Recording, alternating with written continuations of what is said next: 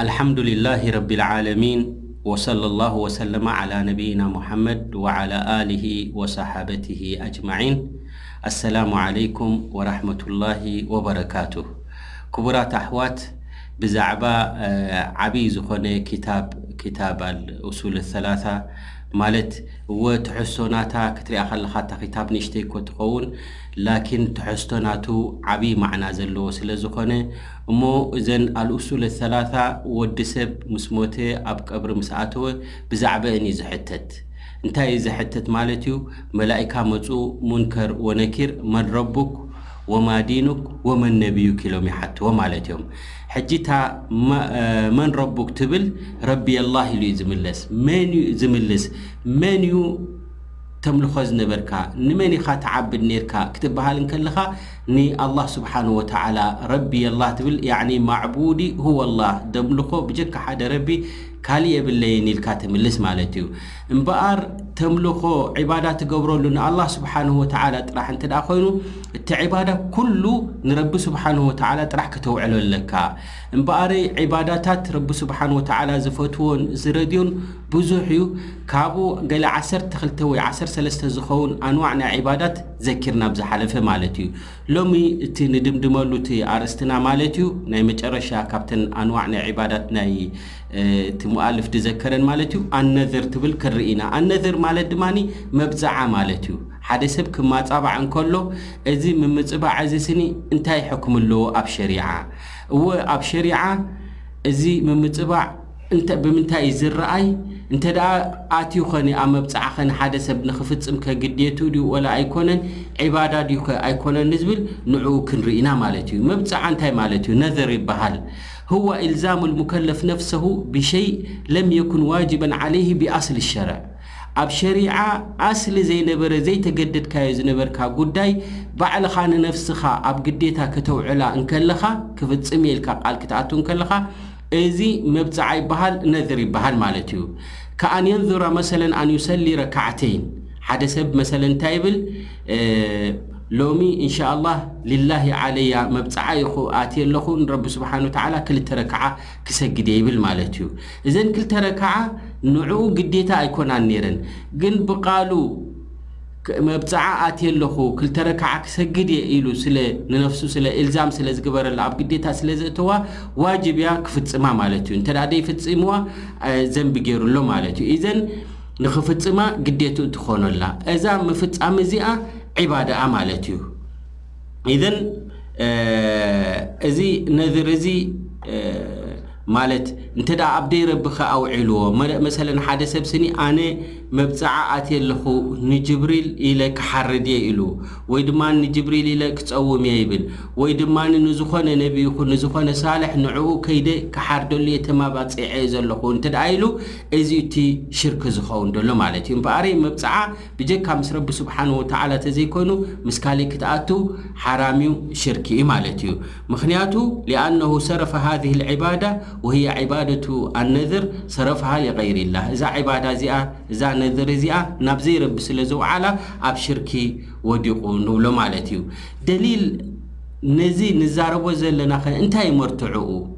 ዒባዳ ምዃኑ ስኒ ኣብ ሸሪዓ ዝመጸ ኣሎ ዶ?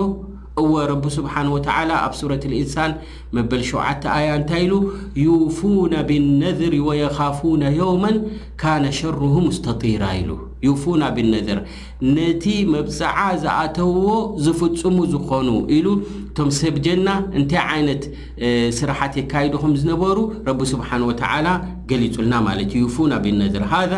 ደሊሉን ዓላ ኣነ ነዝር ዒባዳ እምበኣረይ እቲ ዝኣተዎ ቃል ይፍጽምዎ ዝፍጽሙ ዝኾኑ ኢሉ ረቢ ካብ ንኣዶም ረቢ ስብሓን ወተዓላ ከዓ ነቲ ዝፈትዎ ዝኾነ ጥራሕ እዩ ዝንእዶ እምበኣር ረቢ ስብሓን ወተዓላ ካብ ንኣዶ እዚ ዒባዳ እዚ ብጀካ ንረቢ ተዘይኮይኑ ናብ ካሊእ ከተውዕሎ የብልካን ማለት እዩ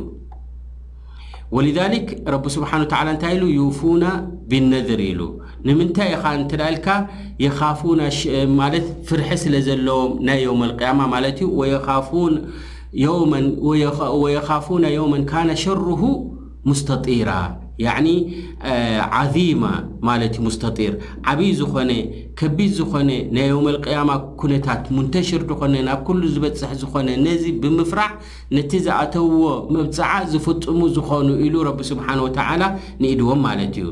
ኣማ ብንስባ ፊ እብትዳእ ነዝር ፈኣስልሁ መክሩ መብጽዓ ኣስለን ንክትኣቱ ኣብ ሸርዒ ጽሉ እዩ ማለት እዩ እንተ ደኣ ኣቲኻዮ ግን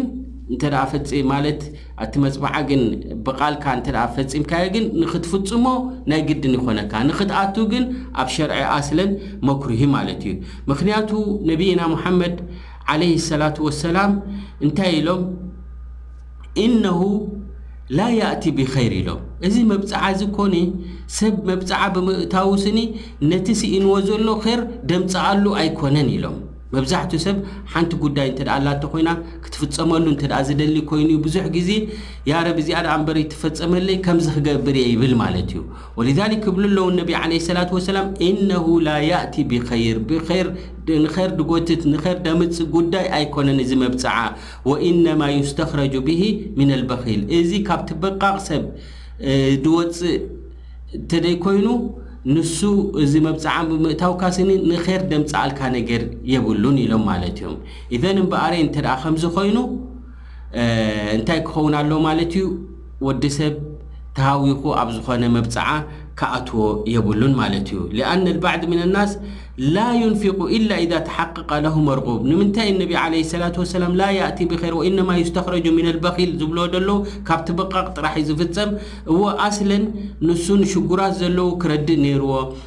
ክጸውም እንተደኣ ደልዩ ክጸውም ኣለዎ ግን ባዕሉ እንታይ ይብል ኣሎ ማለት እዩ እዚኣ እንተደኣ ተፈጺማ ክንድዚኤን ሰደቓ ክገብርየ ይብል ኣሎ ማለት እዩ ኢዘን እዚ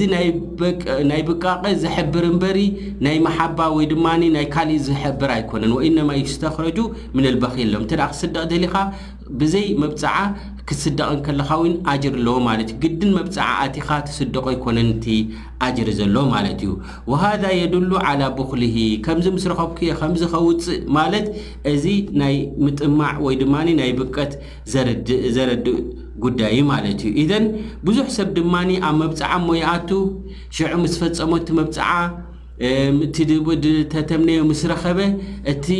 ቃል ኣትይዎ ዝነበረ ንኽፍጽም ድማ ይኸብዶ ማለት'ዩ። ኢዘን ንምንታይ ብመጀመርያ ነፍስኻ ኣብ ሽግር ተእትዋ? ብኣስሉ ኣብቲ መብጽዓዊን ክትኣቱ የብልካን ማለት እዩ ምኽንያቱ ነብይና ሙሓመድ ዓለይሂ ሰላቱ ወሰላም ላ ያእቲ ቢኸይር ኢሎም ማለት እዮም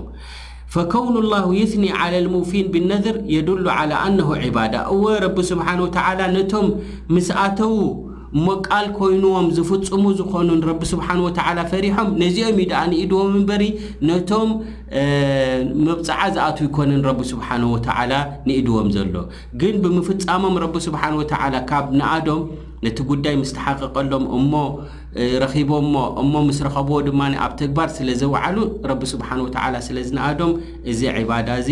ብጀካ ንረቢ ስብሓን ወተዓላ ተዘይኮይኑ ኣብ ካሊእ ክውዕል የብሉን ማለት እዩ ወረቢ ስብሓን ወተዓላ እውን ኣብ ካሊእ ኣያ እውን እንታይ ብል ወማ ኣንፈቅቱም ምን ነፈቀትን ኣው ነዘርቱም ምን ነዝሪን ፈኢነ ላሃ ያዕለሙ ማለት ዝኾነ ይኹን ማለት ሰደቓ ተውጽእዎ ይኹን ትህብዎ ይኹን ኩሉ ረቢ ስብሓን ወተዓላ ዝፈልጦ እዩ። ከምኡ ድማ ትመጻበዕዎ ዝኾንኩምን ኩሉ ረቢ ስብሓን ወተዓላ ካብኡ ዝሕብኦ ምስጢር የለን ኢሉ ረቢ ስብሓን ወተዓላ ካብ ዘከራ እዘን እዚኣ ዒባዳ ምዃና ትበርሃልና ማለት እዩ። ኢዘን እዚ ዒባዳ እዚ ብጀካ ንረቢ ስብሓነ ወተዓላ ተዘይኮይኑ ንኻሊእ ክፍፀም የብሉን ማለት እዩ ምክንያቱ ረቢ ስብሓነ ወተዓላ ይውፉነ ቢነድሪ ወየኻፉነ የውመን ካነ ሸርሁ ሙስተጢራ ክብል ከሎ ኢዘን ኣነድር ከምቲ ዝበልናዮ ኣብ ነፍሲ ረቢ ስብሓነ ወተዓላ ግዴታ ዘይገበሮ ባዕልኻ ነፍስኻ ኣብ ግዴታ ተእትዋ ዘለኻ እያ ማለት እዩ ኢዘን እንተኾነ እዚ ነዘር እዚ እዚ መብፅዓ እዚ ማለት እዩ ኣብ ክልተ ክፍሊ እዩ ዝኽፈል ማለት እዩ። ነዝር ኣሎ ሙጥለቅ ወነዝር ኣሎ ድማ ሙቀየድ። እዚ እንታይ ማለት እዩ?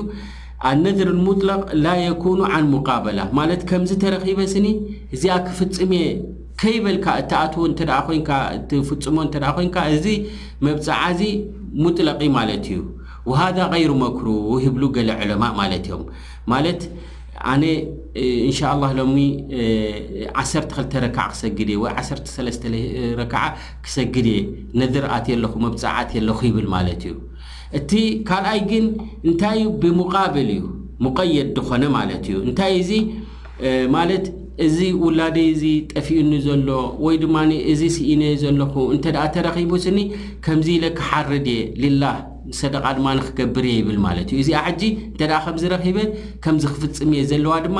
ሙቀየድ እያ ማለት እዩ። እዚ ዓይነት እዚ እዩ እቲ መክሩህ ጽሉእ ዝኾነ ማለት እዩ። እንተኾነ ግን ዝኾነ ሰብ ኣብ ዝኾነ እዋን ኣነስ ክፍጽም እየ ኢሉ ቃል ኣትዩ እንተ ፈጺምዋ ግን እዚ መክሩህ ኣይኮነን ማለት እዩ። ላኪን ኣነቢ ዓለይሂ ሰላቱ ወሰላም ኢነማ ዩስተኽረጁ ብሂ ሚነል በኺል ዝብሉ ዘለዉ እንተ ሙቀየድ ኮይኑ እዩ ይብሉ ዑለማእ ማለት እዩ ጠብዓን ዝኾነ ይኹን ሙቀየድ ይኹን እቲ ቀይዲ ጌርካሉ ዘለኻ ከምዚ እንተ ረኺበ ከምዚ ክፍፅም እየ ዝበልካዮ ይኹን ወይ ድማ ንብኡ ከለኻ ኣነሲ ክንዲዚ ከምዚ ክገብር ቃል ኣትየ ኣለኹ መብፅዓ ኣትየ ኣለኹ ዝበልካዮ ክልትኤን ንክትፍፅመን ናይ ግድን እዩ ዝኾነካ ማለት እዩ ዋጅብ እዩ ዝኾነካ እንተ ዘይፍፅምካየን ድማ ተሓታቲ ኢኻ ማለት እዩ ወሊዛሊክ ታዕሪፍ ናቱ ናይቲ ነዝር እንታይ ኢሎም ኢልዛም ልሙከለፍ ነፍሰሁ ሓደ ባርያ ናይ ረቢ ስኒ ባዕሉ ንነፍሱ ግዴታ ከእትዋ እንከሎ ንነፍሱ ማለት እዩ ከመይ ገይሩ ግዴታ ነጻ እዩ ነይሩ ማለት እዩ ላኪን ባዕሉ እዚኣ እንተ ተፈጺማትለይ ከምዚኣ ክፈጽም እየ ኢሉ ቃል ስለ ዝኣተወ ኢዘን እዚ ጉዳይ እዚ ንክፍጽሞ እታ መጽብዓ ዝኣተዋ ግዴትኡ ይኾኖ ማለት እዩ ወሊዛሊክ ነቢይና ሙሓመድ ዓለይሂ ሰላቱ ወሰላም እንታይ ኢሎም መን ነዘረ ኣን ዩጢዕ ኣላህ ፈልዩጢዓሁ ኢሎም እንተ ሓደ ሰብ መብጽዓ ኣትዩ እሞ ድማ ጣዕ እንተ ኮይኑ ሓራም ዘይኮነ ብሓላል ዝኾነ ወይ ክሓርድ እየ ኢሉ ወይ ሰደቓ ክስደቕ እየ ኢሉ እንተ ጣዕ እንተ ኮይኑ ኢሎም ኣነቢ ዓለይሂ ሰላቱ ወሰላም ፈልዩጢዕሁ ኢሎም ናይ ግድን ይፈጽማ ኢሎም ማለት እዮም ኢዘን ክትፍጽማ ግዴታኻ እዩ ማለት እዩ ኢዘን ኣስለን ክትኣቱ የብልካን እንተ ኣቲኻዮ ግን ናይ ግድን ኢኻ ክትፍጽሞ ማለት እዩ እንተ ፈጺምካዮ ድማ እወ በዓል ኣጅሪ ኢኻ ምኽንያቱ ረቢ ስብሓን ወተዓላ ነዞም ሰባት እዚኣቶም ዩፉና ቢነዝር ኢሉ ንኢድዎም ማለት እዩ እንታይ ማለት እዩ ዩፉና ቢነዝር ነቲ ቃሎም ኣትዮም ዝፍፅሙ ዝኾኑ እዚኣቶም ካብ ተነኣዱ እምበኣረይ ኣጅሪ ኣለካ ማለት እዩ እታ ጉዳይ ብምፍፃምካ ማለት እዩ እታ ነዝር ድኣተኻያ ወሊዛሊክ ገለ ገለ ዑለማእ ውን እዚ ነዝር እዚ መጥብዓን እቶም ዝበዝሑ ከምኡ ውን ኣብ እስልምና እንተ ሪኻዮ ብኹሉ መርትዖታቱ መክሩህ እዩ ገለ ዑለማእ ድማ ኣለዉ ሓታ ሓራም እዩ ዝበሉ ኣለዉ ምኽንያቱ ሓደ ወዲ ሰብ ስዲ ረቢ ስብሓን ወተዓላ ኣብ ሰዓ እንከሎ ከየገደዶ እንከሎ ባዕሉ ነፍሱ ኣብ ግዴታ ከእትዋ እዚ ጽሉእ እዩ በል ኣብ ሓራም እዩ ዝበሉ ኣለዉ ማለት እዮም ላኪን ታይ ይብሉ ዑለማእ ክምሉሱሎም ከለው ሓራም ኢኮ ክንብል ኣይንክእልን ኢና እወ መኩሩህ ኢና ዳኣ ንብል እምበሪ ኣብ ሓራም ከነውድቆ ኣይንክእልን እና ምክንያቱ ብዙሕ ኣሎ ነዝር ዝተፈፀመ ኣብ ግዜ ረሱል ሰለላሁ ዓለይሂ ወሰለም ኣነቢ ዓለይሂ ሰላቱ ወሰላም እንዳረኣይዎ እንከሎ እውን ተፈፂሙ እዩ ስለዚ ሓራም ትዝኸውን ኣነቢ ዓለይሂ ሰላቱ ወሰላም ነዚ ሓራም ኢሎምን ምከልከልዎም ነይሮም ከምዚ ነዝር ሙጥለቅ ዝኮነ ከምዚ ናይ ሰይድና ዑመር መሰለን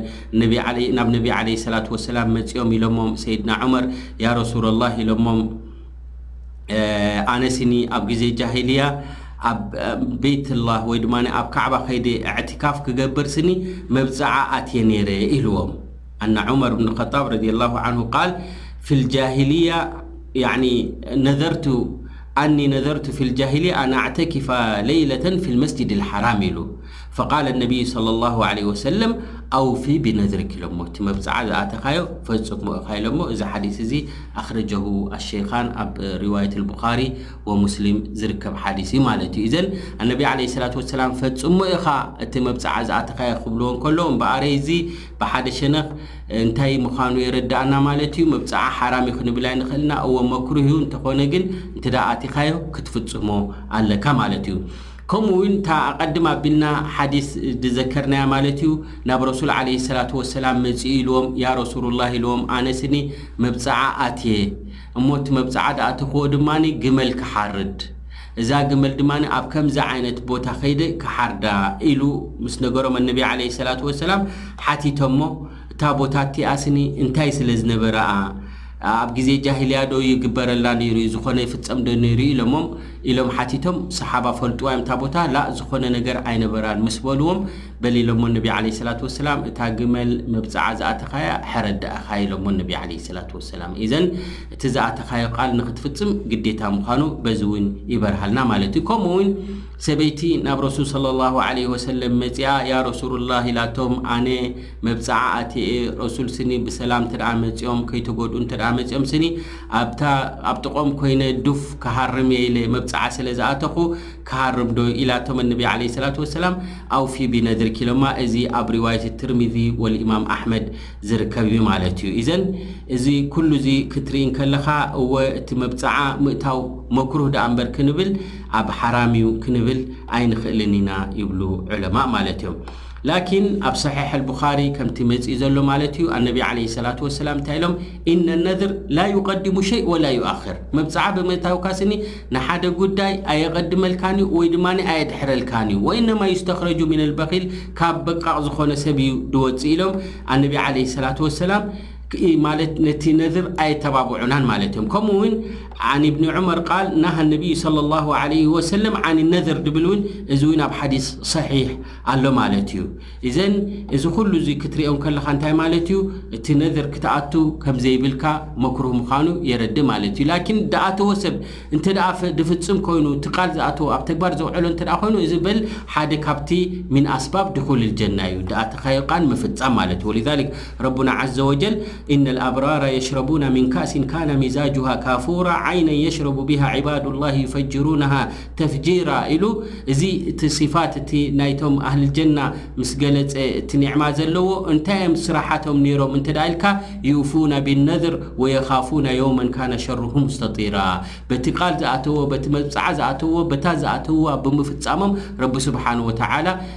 ካብቲ ኣስባብ ናይ ድኹሉል ጀና ገይሩሎም ማለት እዩ ከምኡ ውን ወማ ኣንፈቅቱ ምን ነፈቀትን ኣው ነዘርቱ ምን ነዝርን ፈኢነ ላሃ ያዕለሙሁ ኢሉ እዘን እዚ ቀድ ደለ ልኪታብ ወሱና ዓላ ውጁብ ኣልወፋእ እቲ ዝኣተኻዮ መብፅዓ ንክትፍፅም ኣብ ኪታብን ኣብ ሱናን ግዴታ ምዃኑ በዚ ይበርሃልና ማለት እዩ በል እዚ ማለት መብፅዓ ኣቲኻ ዘይምፍፃም ሓደ ካብቲ ዓላማት ናይ የውመል ቅያማ ከምኡ ድማ ዘንቢ እዩ ማለት እዩ